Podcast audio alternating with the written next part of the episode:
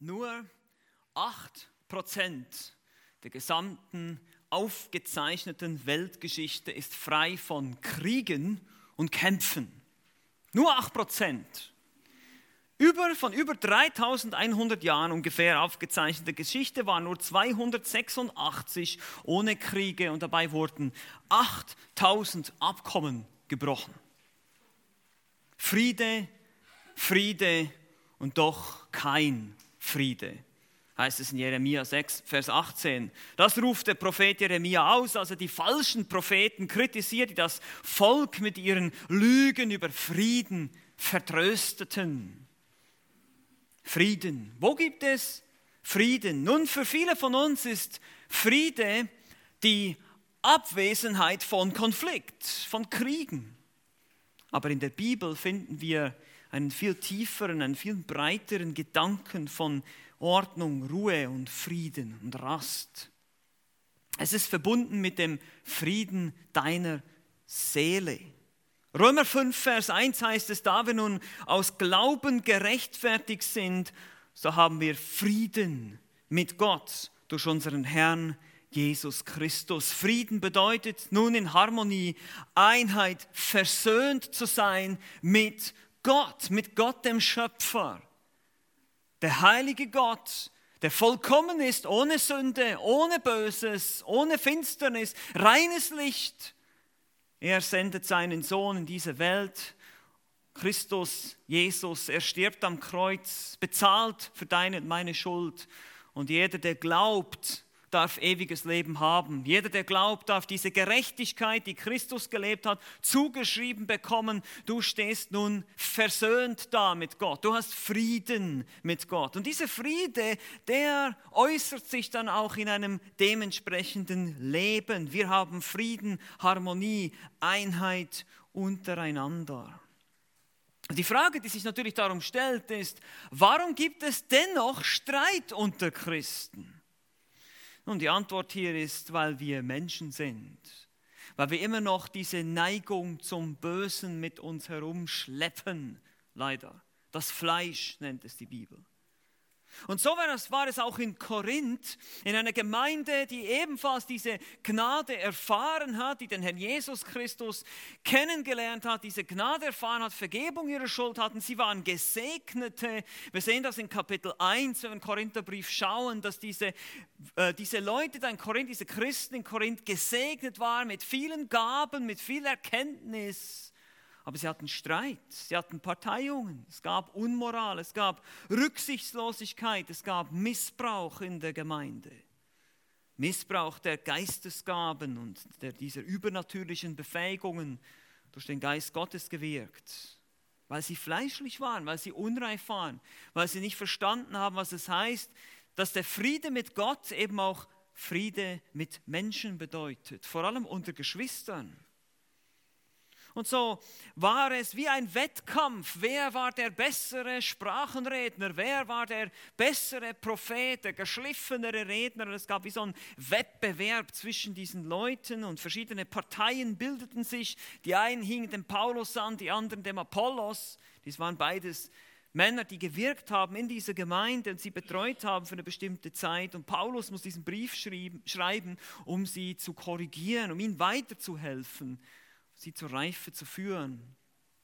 Und so sind wir in diesem Abschnitt angekommen im ersten Korintherbrief in Kapitel 12, 13 und 14, wo Paulus eben auch den Missbrauch der geistlichen Gaben anspricht. Wie gesagt, die Korinther waren begabte Leute. Die hatten viele. Wir sehen das, wenn wir diese äh, Stelle lesen. Die hatten Propheten, die hatten Sprachenredner, die waren sehr begabt. Aber das Problem war, sie setzten diese Gaben falsch ein. Nicht zum Nutzen der Gemeinde, sondern aus egoistischen Gründen zur Selbstdarstellung, wie sie das von ihrer Kultur her auch gewohnt waren. Diese Zeichengaben, die die Gemeinde in der Anfangsphase des ersten Jahrhunderts benötigte, vor allem Apostel, dann auch Propheten, aber andere Zeichen und Wunder, die gegeben wurden, durch den Geist Gottes gewirkt, um diese Botschaft, die wir heute in der Schrift festgelegt haben, ein für alle Mal zu bestätigen. Die waren hier in dieser Zeit noch aktiv. Wir haben schon gelernt, dass diese Gaben oder einige von ihnen, vor allem diese zeichenhaften Gaben und die offenbarenden Gaben, eben auch das Sprachenreden und die direkten Offenbarungen von Gott, gegen Ende des ersten Jahrhunderts aufgehört haben. Aber in dieser Zeit hier, wo Paulus schreibt, waren diese Gaben noch aktiv. Und sie wurden in der Gemeinde teilweise eingesetzt. So musste Paulus hier sozusagen gewisse Verhaltensregeln niederschreiben, wie die Korinther damit umgehen sollten. Wie sie in erster Linie in Liebe damit umgehen sollten, zum Nutzen der anderen. Eben nicht zur Selbstauferbauung, zum egoistischen Selbstdarstellung, zum zeigen, wie toll ich bin, sondern vielmehr um den anderen zu dienen. Wir haben gesehen, dass im Kapitel 12 Paulus deutlich macht, dass es darum geht, dass es verschiedene Gaben sind, aber ein Leib, dass sie alle zusammengehören, dass sie einander nicht beneiden sollen um ihre Gaben oder sich nicht nutzlos vorkommen. Im Kapitel 13 haben wir gesehen, dass die Liebe das Wichtigste ist, das Essentiellste. Ich kann noch so viel Glauben haben und noch so begabt sein, wenn ich das nicht in Liebe tue, dann nützt es gar nichts, sagt Paulus. Und schließlich im Kapitel 14 erklärt er dann, okay, wie wie, wie setzt ihr jetzt spezifisch diese, diesen Weg der Liebe um, wenn es um eure Lieblingsgaben geht, sage ich mal, die Prophetie und das Sprachenreden, die offenbar hoch im Kurs waren in der Gemeinde in Korinth. So haben wir angefangen, die ersten 25 Verse anzuschauen. Im 1. Korinther Kapitel 14, da ging es um das Thema Erbauung. Eben diese Liebe, wenn ich dem anderen dienen will, wenn ich der Gemeinde zum Nutzen sein will, geht es um Erbauung. Was nutzt dem anderen? Was hilft den anderen? Und dieses korinthische Chaos, was sie veranstalteten, das nutzte niemanden. Das half niemandem zur Erbauung, zur Belehrung, zum Wachstum. Und die Erbauung kann, einerseits wird sie verhindert dadurch, dass eben die Einstellung nicht da ist, die Liebe nicht da ist oder eben die Verständlichkeit nicht da ist. Das war das Thema in Kapitel, 1, äh, Kapitel 14, 1 bis 25. Verständlichkeit, es geht darum, dass man euch versteht. Wenn du eine, in einer Sprache sprichst, die kein Mensch versteht, dann nützt das niemandem, sagt Paulus. Verständlichkeit bringt Erbauung. Aber es gibt auch noch ein anderes Problem, was ebenfalls diese Erbaulichkeit verhindert. Und das ist die mangelnde Ordnung. Also Verständlichkeit 1 bis 25. Und jetzt Ordnung 26 bis 40. In den Versen 26 bis 40 ist die Ordnung der, Haupt, der Hauptgedanke oder der tragende Gedanke. Lasst alles in Ordnung zugehen. Das steht ganz am Ende in Vers 40. Wenn einfach alle miteinander anständig und in Ordnung, kann es sogar richtig sein, was die Leute sagen, die Einzelnen. Es kann sogar in unserer Sprache sein, wir verstehen es trotzdem nicht. Eben, stellt euch mal vor, alle diese Ansagen, die wir jetzt gehört haben, wenn jetzt alle gleichzeitig hier auf die Bühne gekommen, jeder hat einfach mal losgelegt, dann würde keiner wirklich was mitbekommen. Und so war das offenbar in Korinth. Und so lesen wir jetzt in 1. Korinther Kapitel 14 die Verse 26 bis 40. Hier geht es jetzt also weiter von der Verständlichkeit, die eben zur Erbauung führt, geht es jetzt um die Ordnung, die zur Erbauung führt. Was ist nun, Brüder, wenn ihr zusammenkommt? So hat jeder von euch einen Psalm, hat eine Lehre, hat eine Offenbarung, hat eine Sprache, hat eine Auslegung. Alles geschehe zur Erbauung. Wenn nun jemand in einer Sprache redet, so sei es zu zwei, äh, so es zu zwei oder höchstens drei und nacheinander und einer lege aus. Wenn aber kein Ausleger da ist, so schweige er in der Versammlung rede aber sich selbst und Gott. Propheten aber lasst zwei oder drei reden und die anderen lasst urteilen. Wenn aber einem anderen, der da sitzt, eine Offenbarung zuteil wird, so schweige der Erste. Denn ihr könnt einer nach dem anderen alle Weissagen, damit alle lernen und alle getröstet werden. Und die Geister der Propheten sind den Propheten untertan. Denn Gott ist nicht ein Gott der Unordnung, sondern des Friedens. Wie in allen Versammlungen der Heiligen sollen die Frauen schweigen in der Versammlung, denn es ist ihnen nicht erlaubt zu reden, sondern sie sollen sich unterordnen, wie auch das Gesetz sagt. Wenn sie aber etwas lernen wollen, so sollen sie daheim ihre eigenen Männer fragen, denn es ist schändlich für eine Frau in der Versammlung zu reden. Oder ist das Wort Gottes von euch ausgegangen oder ist es zu euch allein gelangt? Wenn jemand meint, ein Prophet zu sein oder geistlich, so erkenne er, dass das, was ich zu euch schreibe, ein Gebot des Herrn ist.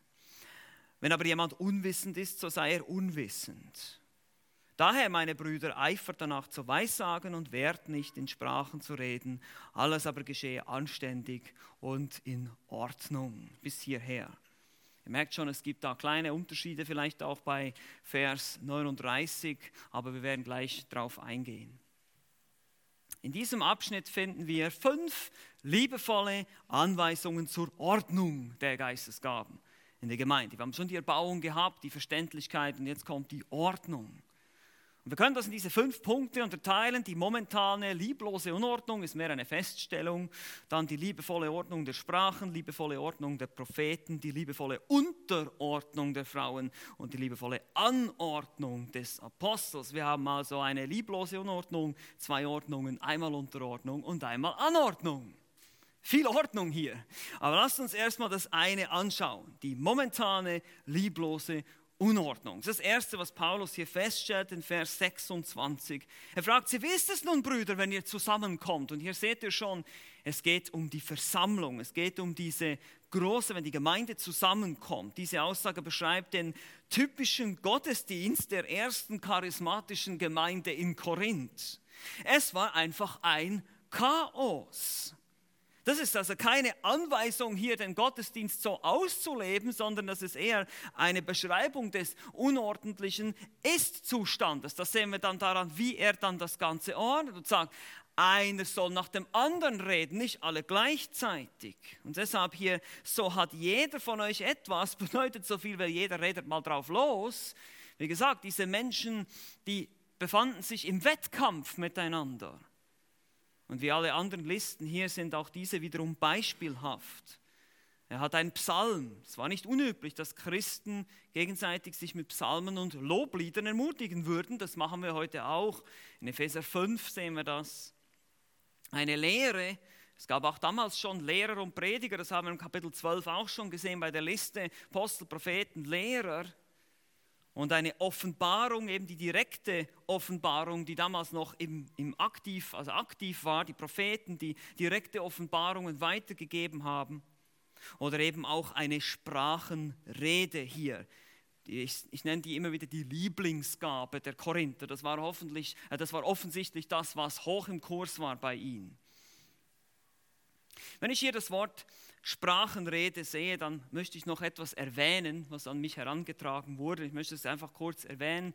Diejenigen von uns, die eine MacArthur Studienbibel haben, haben sicher festgestellt, ähm, dass ich diesen Text etwas anders auslege, als er da in dem Kommentar steht, vor allem wenn es um diese Unterscheidung geht zwischen dem Singular, dem Plural, also das heißt die Einzahlsprache die Mehrzahlsprachen, äh, dass MacArthur in die Richtung geht, dass er sagt, das eine war heidnisches Geplapper, also sozusagen diese ekstatischen, ähm, heidnischen Dinge, die wir auch zum Teil in der heutigen charismatischen Bewegung sehen. Und ich halte das für möglich, dass das so war, dass die Korinther sicherlich in ihrer Fleischlichkeit auch äh, dazu neigten, zurückzufallen in ihre heidnischen Gewohnheiten, wie das mit vielen anderen Dingen auch ist. Aber wie gesagt, ich denke hier eher, dass die Sprache und Sprachen sich eher auf die Vielzahl der Sprachen oder eine bestimmte Sprache bezieht und dass es hier eher einfach immer um die Geistesgabe geht. Das sehen wir zum Beispiel in Vers 27, wo er eindeutig einen Singular auf die echte Gabe anwendet. Ebenfalls, wenn wir Vers 4 und 5 anschauen, sehen wir auch diese, dieser Kontrast zwischen Weissagen und Sprachenreden. Es gibt da einfach keinen Grund, dem Text diese Bedeutung aufzudrücken und deshalb gehe ich da eher mit einer Auslegung zum Beispiel von Dr. Thomas der auch vom Master Seminary ist übrigens. Ich wollte das einfach erwähnen, dass, ihr da keine, dass ich da keine Verwirrung stifte. Ich glaube, dass das ein bisschen anders ist hier, als MacArthur das auslegt. Und das ist ja auch kein essentielles oder heilsnotwendiges Thema. Daher müssen wir hier auch nicht dogmatisch sein. Ich denke, Paulus spricht hier durchgehend von der echten Gabe und ordnet diese. Das ist der Gedanke, den ich hier sehe, denn die, die Schrift hier, also wenn man den Text natürlich versteht.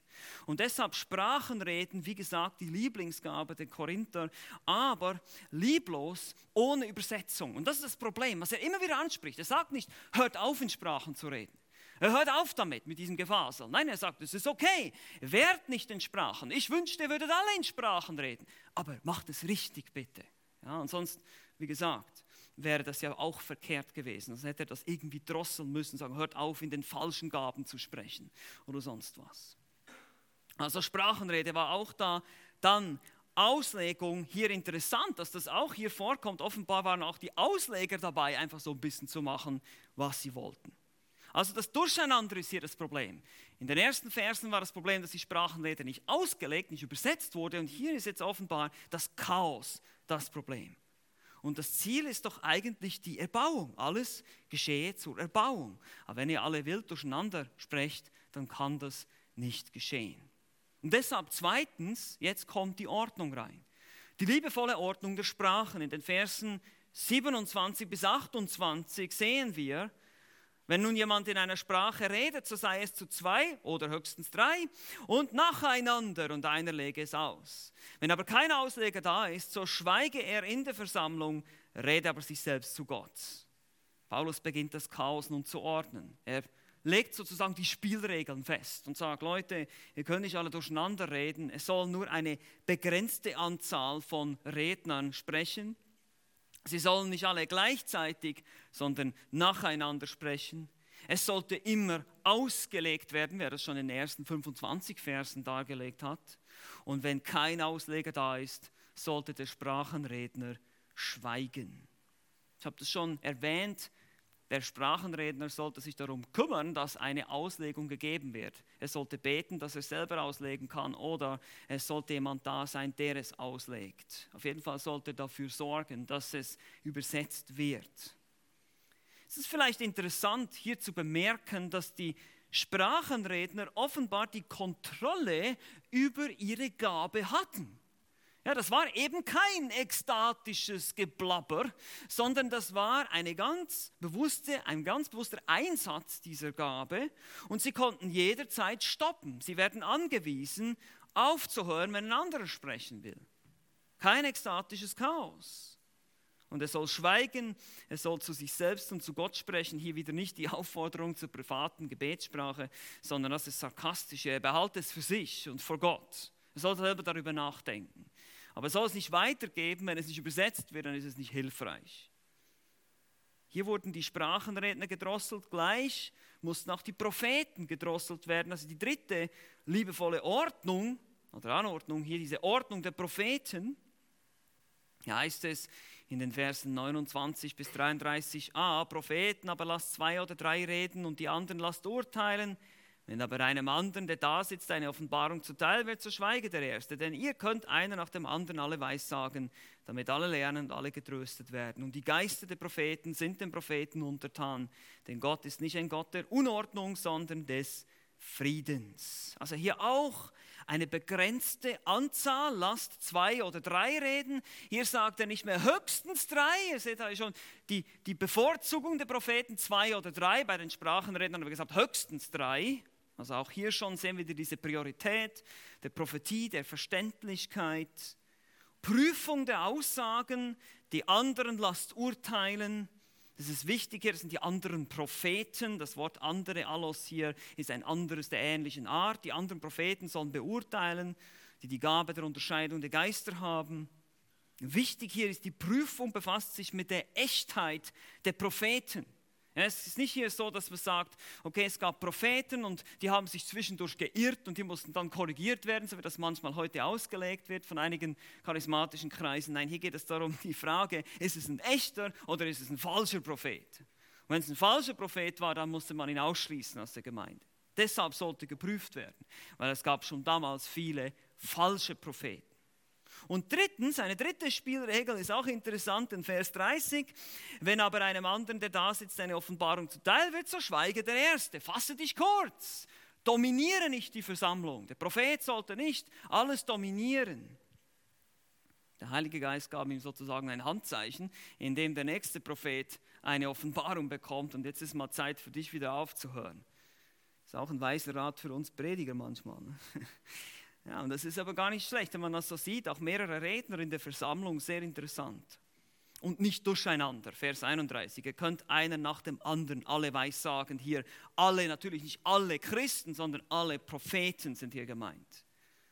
Ihr könnt einer nach dem anderen das machen, dann wird die Versammlung eben erbaut. Immer noch das Ziel, die Erbauung. Paulus untermauert das nochmal und zeigt nochmal auf, dass die Propheten ebenfalls ihre Gaben kontrollieren, genauso wie die Sprachenredner. Geister der Propheten sind den Propheten untertan. Wichtig hier in dem Kontext, wir haben das schon in 14, Vers 12 gesehen, das Wort Geister ist eigentlich Geistesgaben. Die Geistesgaben sind den Propheten untertan. Sie können ihre Gaben kontrollieren. Das sehen wir immer wieder hier. Das ist sehr interessant. Es ist kein ekstatisches, äh, in Trance, hypnotisches Weggerissen werden von irgendwas, sondern alle Dinge, alle Gaben, die hier eingesetzt werden, die Paulus beschreibt, sind eben den Propheten und den Begabten untertan. Warum ist das so? Nun, Gott ist ein Gott der Ordnung. Nicht der Unordnung, sondern des Friedens heißt es hier. Ordnung impliziert natürlich hier ist impliziert durch den Frieden. Weil wenn, wenn Frieden ist, dann ist auch Ruhe und Ordnung. Also Gott ist nicht ein Gott der Unordnung, des Chaoses und das ist wiederum ein weiterer Hinweis, dass es hier eben chaotisch zu und her ging in diesem Gottesdienst in Korinth. Also wir sehen jetzt, wie Paulus erstmal die lieblose Unordnung anprangert, dann ordnet er die Sprachenredner, er ordnet die Propheten und jetzt kommt der vierte Punkt, die liebevolle Unterordnung der Frauen. Ich betone immer wieder liebevoll, weil das der Kontext hier ist, der Weg der Liebe. Ja, Kapitel 13, könnt ihr euch erinnern. Die Liebe sucht nicht das ihre. Die Liebe ist freundlich. Die Liebe ist nicht unanständig. Die ist ordentlich. Und das ist genau das, was Paulus jetzt hier macht. Das ist der Weg der Liebe. Sprachenredner bitte einer nach dem anderen und legt es aus. Das ist liebevoll. Propheten bitte auch, einer nach dem anderen. Legt, äh, nicht legt es aus, aber einer nach dem anderen und nicht alle durcheinander. Und dann, das ist ebenfalls liebevoll. Und jetzt dasselbe kommt jetzt hier für die Frauen. Der letzte Satz in Vers 33 gehört wohl eher zum Anfang vom nächsten Abschnitt. Es macht mehr Sinn hier. Das ist eine Textvariante, deshalb lese ich das nochmal so vor. Wie in allen Versammlungen der Heiligen sollen die Frauen schweigen in den Versammlungen. Das wird einfach betont. Denn es ist ihnen nicht erlaubt zu reden, sondern sie sollen sich unterordnen, wie auch das Gesetz sagt. Wenn sie aber etwas lernen wollen, so sollen sie daheim ihre eigenen Männer fragen. Denn es ist schändlich für eine Frau, in der Versammlung zu reden oder ist das Wort Gottes von euch ausgegangen oder ist es zu euch allein gelangt?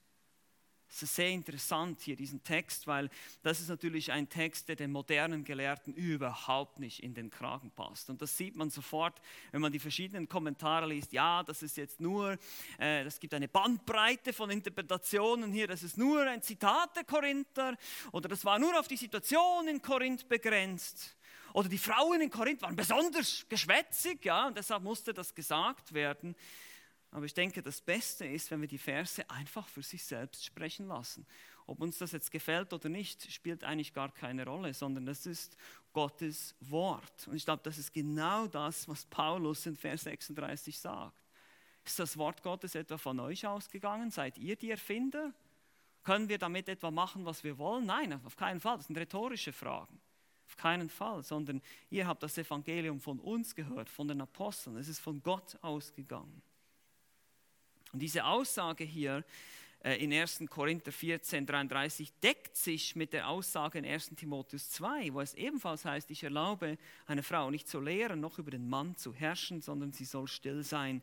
Und dann begründet es Paulus auch, denn Adam wurde zuerst gebildet, danach Eva. Wie auch das Gesetz sagt, das ist das Gesetz Mose, das, ist der Schöpfungsbericht, das ist das Design Gottes. So hat er Mann und Frau geschaffen.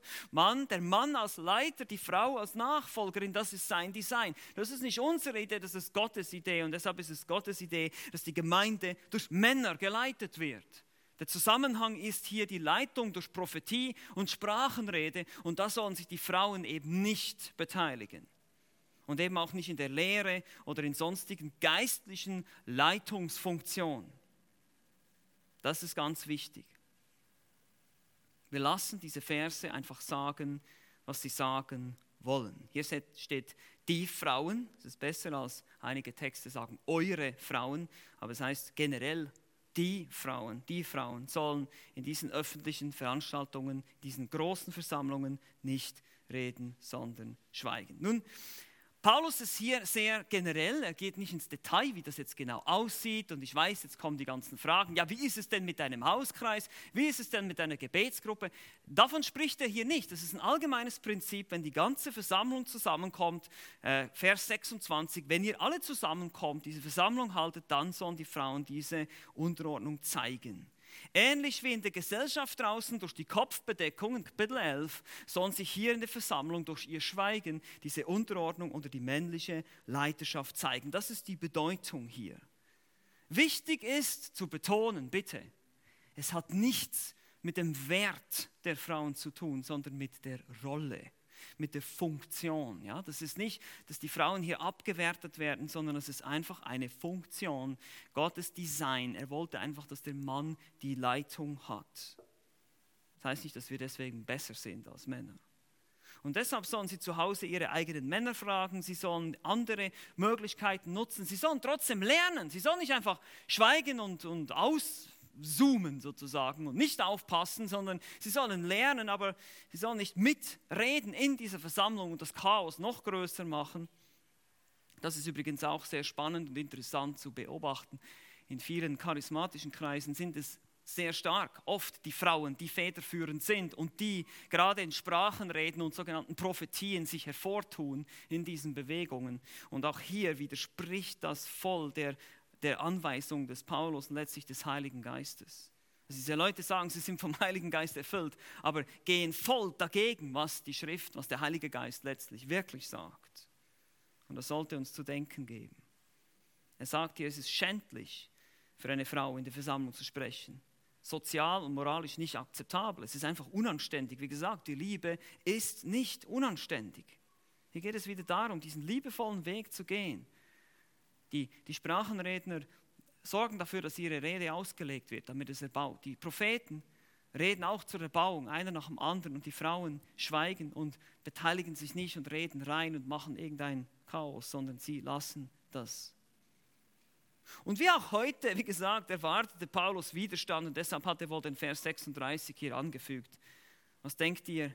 Seid ihr das Maß aller Dinge? Ist das Wort Gottes von euch ausgegangen oder ist es zu euch allein gelangt? Seid ihr die Einzigen, die diese Lehre empfangen? Er sagte auch am Anfang, wie in allen Gemeinden der Heiligen. Das ist ein Standard, der für alle gilt. Also Paulus gibt diese fünf liebevollen Anweisungen und am Schluss gibt er eine generelle liebevolle Anordnung. Fünftens die liebevolle Anordnung des Apostels. Vers 37 bis 40. Wenn jemand meint, ein Prophet zu sein oder geistlich, so erkenne er, dass das, was ich euch schreibe, ein Gebot des Herrn ist. Wenn aber jemand unwissend ist, so sei er unwissend. Daher, meine Brüder, eifert danach zu weissagen, wert nicht in Sprachen zu reden, alles aber geschehe anständig und in Ordnung. Er, er fasst das Ganze nochmal zusammen, um was es ihm geht am Ende. Um diese Ordnung, diese liebevolle Ordnung, diese Rücksichtsnahme, wenn man alles in anständiger Ordnung ablaufen lässt in einem Gottesdienst, in dieser Versammlung. Er macht einmal die Autorität deutlich und dann die, die Anwendung. Die Autorität, die, die Paulus hat als Apostel. Wenn jemand meint, ein Prophet zu sein oder geistlich zu sein, dann sollte er merken, dass das, was ich euch schreibe, Wort Gottes ist, eben Anweisungen durch den Geist inspiriert. Wenn ihr tatsächlich so begabt seid, der Apostel war sich bewusst, dass er Schrift schrieb hier, 1. Thessalonicher 2,13. Wenn also jemand tatsächlich ein echter Prophet ist, sollte die Autorität des Apostels anerkennen. Erinnert euch, Kapitel 12, Vers 28, die Prioritätenliste der Gaben. Gott hat der Gemeinde äh, einige Gaben gegeben. Das erste war die Apostel, dann die Propheten und dann die Lehrer. Das Apostel hier, ein Apostel schreibt.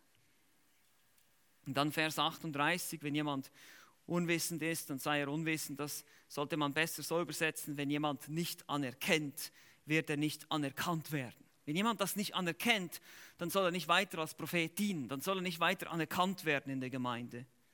Das ist eine kleine Textvariante hier, aber es ist eigentlich eindeutig, was er damit meint. Jemand, der sich dagegen stellt, gegen die, die, die Autorität des Apostels, des Offenbarungsträgers, der soll nicht weiter anerkannt werden in der Gemeinde. Und schließlich macht Paulus die Anwendung deutlich. Was, ist jetzt, was sollen sie denn jetzt machen? Sollen sie jetzt einfach aufhören? Sollen sie gar keine Geistesgaben? Nein, das sagt er nicht. Wie gesagt, er sagt, Daher, meine Brüder, eifert danach zu weissagen und wehrt nicht, in Sprachen zu reden. Das ist nicht verkehrt. Einmal mehr, Paulus sagt, es ist nicht verkehrt, wenn ihr das tut, aber tut es bitte in der richtigen Art und Weise. Alles geschehe anständig und in Ordnung. Die Ordnung hier ist, beschreibt eine disziplinierte Militäreinheit, die sich in Reihe und Glied einreiht. Also es geht hier wirklich um diese Ordnung, einer nach dem anderen, schön geordnet, harmonisch, einheitlich. Ihr sollt einheitlich zusammenarbeiten. Das könnt ihr nur, wenn ihr diese Ordnungen einhaltet und nicht so ein großes Chaos veranstaltet. Das ist interessant. Lasst uns hier noch ein paar Beobachtungen machen, die uns helfen, diesen Text heute anzuwenden. Ich meine, wie gesagt, wir sprechen heute nicht mehr in Sprachen und wir prophezeien auch nicht, aber es gibt auch einige Prinzipien, die wir wiederum ziehen können aus diesem Text und lernen können für uns heute. Das erste ist Ordnung im Gottesdienst. Ordnung im Gottesdienst. Ich habe das schon gesagt, es widerspricht vielen Praktiken heute der pfingstlich-charismatischen Bewegung. Und es ist manchmal hilfreich, gerade im Gespräch mit solchen Leuten zu sagen, aber hey, aber schau mal, was die Bibel dazu sagt. Wenn, wenn ihr alle eure, eure, eure ekstatischen Ausbrüche habt in euren Gottesdiensten, dann widerspricht das doch eindeutig den Anweisungen, die der Apostel Paulus hier gibt den Korinthern. Aber vielleicht ist auch für uns eine, eine kleine Ermahnung zu sagen, okay, wie geordnet ist es bei uns? Vielleicht eben, wir stehen hier nicht alle auf im Gottesdienst und veranstalten das Chaos hier. Bei uns ist das Chaos vielleicht manchmal vor dem Gottesdienst. Ja, wenn alle irgendwie so holter, die Polter, die reinstolpern und jeder sucht irgendwie auch seinen Platz. Lass uns doch hier auch ein bisschen geordneter sein. Vielleicht ist es auch noch ein Prinzip, was wir mitnehmen können. Schon vor dem Gottesdienst, vielleicht zehn Minuten früher da sein, sich hinsetzen, beten, erstmal darüber nachdenken, wir werden jetzt Gottes Wort hören das ist geordnet. Und dann nach dem Gottesdienst können wir miteinander quatschen, austauschen, Kaffee trinken und so weiter. Also Ordnung. Ordnung der Redner. Wie gesagt, auch hier die Praxis in vielen charismatischen Gottesdiensten ist es eben wild durcheinander in Zungen zu reden. Und genau das ist es, das, was hier verboten wird. Die Botschaften sollten klar und deutlich sein und auch nicht zu lang wie schon gesagt, vielleicht ist das auch eine hilfreiche ähm, Anmerkung für uns Prediger. Wie viel können die Zuhörer wirklich aufnehmen? Vielleicht sollten wir mal lieber kurz und knackig sein. Vielleicht sollte man die Redner ein bisschen abwechseln, weil das ist das Bild, was wir hier sehen. Es ist beschreibend, es ist nicht vorschreibend, es ist kein Gebot. Aber es ist einfach ein Bild, wie wir einen Einblick bekommen in einen Gottesdienst im ersten Jahrhundert und wie Paulus es beschreibt, wie es sein sollte. Eben was die Propheten, was die Sprachenredner machen sollten. Drittens, ganz wichtig für uns natürlich, das Prüfen der Redner, das finden wir hier auch. Selbst die Propheten damals wurden geprüft, ob sie wahre oder falsche Lehre verkündigten. Deshalb auch du, auch wir heute, lass uns nicht einfach alles glauben, was wir hören, sondern wir wollen prüfen und wir prüfen natürlich nach der Schrift. Seid vorsichtig, seid kritisch, was ihr euch runterladet vom Internet. Ja, es gibt so viele Dinge, die wir uns anschauen, anhören können, aber ist es wirklich gesund? Ist es wirklich theologisch gesund? Legen diese Leute die Bibel aus nach den grammatisch-historischen Methode oder ist es einfach irgendwas reinlegen, irgendwas aus dem Kontext reißen? Wir müssen Acht geben darauf. Viertens, Geistesgaben werden von den Begabten kontrolliert. Eben keine Ekstase. Wir sehen im ganzen, im ganzen Abschnitt hier, sehen wir das kritisiert. Paulus sagt, ihr könnt eure Gaben kontrollieren, ihr könnt aufhören, ihr könnt stoppen, ihr müsst nicht weitermachen. Das wird vorausgesetzt hier. Das wird nicht unbedingt kritisiert, sondern das wird einfach vorausgesetzt. Ihr könnt einer nach dem anderen reden. Und der Sprachenredner höchstens zwei. Und der Prophet soll schweigen, wenn der andere eine Offenbarung hat. Also wir sehen diese Kontrolle, die da ist. Wie gesagt, die Geistesgaben sind ihnen untertan, Vers 32. Also wo immer, wo immer wir Dinge finden, die chaotisch, ekstatisch, manipulativ, gefühlsbetont sind, wissen wir, dass das nicht vom Geist Gottes ist. Das heißt nicht, dass wir keine Gefühle zeigen. Ja? Ich will das nicht sagen, dass wir nicht uns freuen dürfen, Freude zum Ausdruck bringen. Aber es ist immer kontrolliert, es ist geordnet, es ist harmonisch, es ist nicht chaotisch. Gott ist ein Gott der Ordnung, haben wir gesehen. Fünftens, die Rolle der Frau im Gottesdienst, eines der heikelsten Themen in diesem Abschnitt. Es, eben, es erscheint uns nicht zeitgemäß, aber dennoch glauben wir, der Text sagt, was der Text sagt. Es ist das Wort Gottes. Und gerade hier fügt Paulus diese Warnung an, weil ein großer Irrtum heute ist, dass das die damalige Kultur war. Das heißt dann immer, ja, damals, das war eine männerdominierte Kultur. Das stimmt nicht. Das stimmt überhaupt nicht. In, in, in dieser gräkoromanischen Welt, in diesem ersten Jahrhundert, gab es auch schon feministische Befreiungsbewegungen. Das gab es auch schon. Das ist nichts Neues. Es gab Kulte, in denen sich die Frauen hervortaten als Priesterinnen und solche Sachen. Also er geht hier mit diesen Anweisungen genauso gegen die Kultur wie heute. Es hat sich nichts geändert. Und deshalb können wir nicht die Kultur als, als, als Ausnahme nehmen und sagen, ja, das, ist, das war damals so, heute ist das anders, lass uns Pastorinnen einsetzen und so weiter und so fort. Das ist genau verkehrt. Sechstens, die Rolle des Mannes als Lehrer seiner Frau. Das ist vielleicht ein interessanter Gedanke, der jetzt ein bisschen weiterführt hier. Wir wollen als, wir sollen als Männer die Leitung haben. Das ist ein Grundprinzip. Haben wir schon Kapitel 11 gesehen. Der Mann ist das Haupt der Frau, heißt es da. Oder eben Timotheusbrief. Dieses Prinzip, es geht aufs Schöpfungsdesign zurück. Gott hat uns so gemacht, er hat uns so geschaffen. Die Frage ist, wenn sich die Frauen so unterordnen sollen und zurückhaltend sein sollen, was bedeutet das für uns Männer? Wir sollten die Leitung übernehmen. Wir sollten lehren, wir sollten uns belesen. Nicht nur in der Gemeinde natürlich, ich meine jetzt hier allgemein, auch zu Hause. Wenn die Frau mehr weiß als der Mann, theologisch, Mann, dann musst du dich belesen. Da musst du anfangen, theologische Bücher zu lesen, anstatt die Zeitung. Ja, dann müssen wir anfangen, als Männer Theologie zu studieren und unsere Familien lernen zu können. Sonst bringen wir unsere Frauen in Versuchung. Wie soll die Frau zu Hause ihren Mann fragen, wenn er keine Ahnung hat? Und das ist vielleicht eine wichtige Anwendung für uns Männer hier. Ja, wir, wir denken, ja, das ist biblisch hier, die Frauen sollen sich unterordnen. Ja, aber was, was machen wir? Wie helfen wir ihnen dabei, diese gottgegebene Rolle auszufüllen? Nicht indem wir einfach uns nicht belesen und nicht wachsen in der Erkenntnis. Das ist eine Herausforderung an uns, uns zu belesen. Wir können einen großen Teil dazu beitragen, dass unsere Frauen oder eben auch in der Gemeinde nicht in diese Versuchung kommen, das zu tun. Und siebtens, letztens hier, Ordnung ist notwendig, damit der Lernprozess vorangeht. Ordnung und Friede, wie gesagt, sind Grundvoraussetzungen für eine gut funktionierende Gemeinde. Mit sinnvollen und erbauendem Gottesdienst, der verständlich ist, der sich an den Verstand richtet und aufgrund dieses Verstehens der Wahrheiten des Wortes Gottes Klar bringen wir Gefühle zum Ausdruck, freuen wir uns hoffentlich über die Erlösung, über die Vergebung, darüber, wer unser Gott ist, wie herrlich und wie wunderbar er ist. Hoffentlich haben wir da Gefühle. Hoffentlich sitzen wir nicht da und sagen, ich freue mich, ja. Das, das meine ich damit nicht. Aber dass wir erstmal dass es erstmal ums Verstehen geht und dass es diese Ordnung braucht, dieses, damit ein Lernprozess überhaupt stattfinden kann. Ich weiß, dass es für uns jetzt nicht so ein Thema ist, vielleicht denkst du, aber ich denke gerade, wenn wir die heutige evangelikale Landschaft schauen, eben die Zunahme dieser auch charismatisch-pfingstlichen Richtungen, die es gibt, dass da oft sehr chaotisch ist, sehr ungeordnet oder selbst in, im Vorbereitungsprozess die, die, die Pastoren einfach die Bibel am Sonntagabend oder am Samstagabend besser gesagt nochmal durchgucken und sich irgendwas hier zusammenstückeln.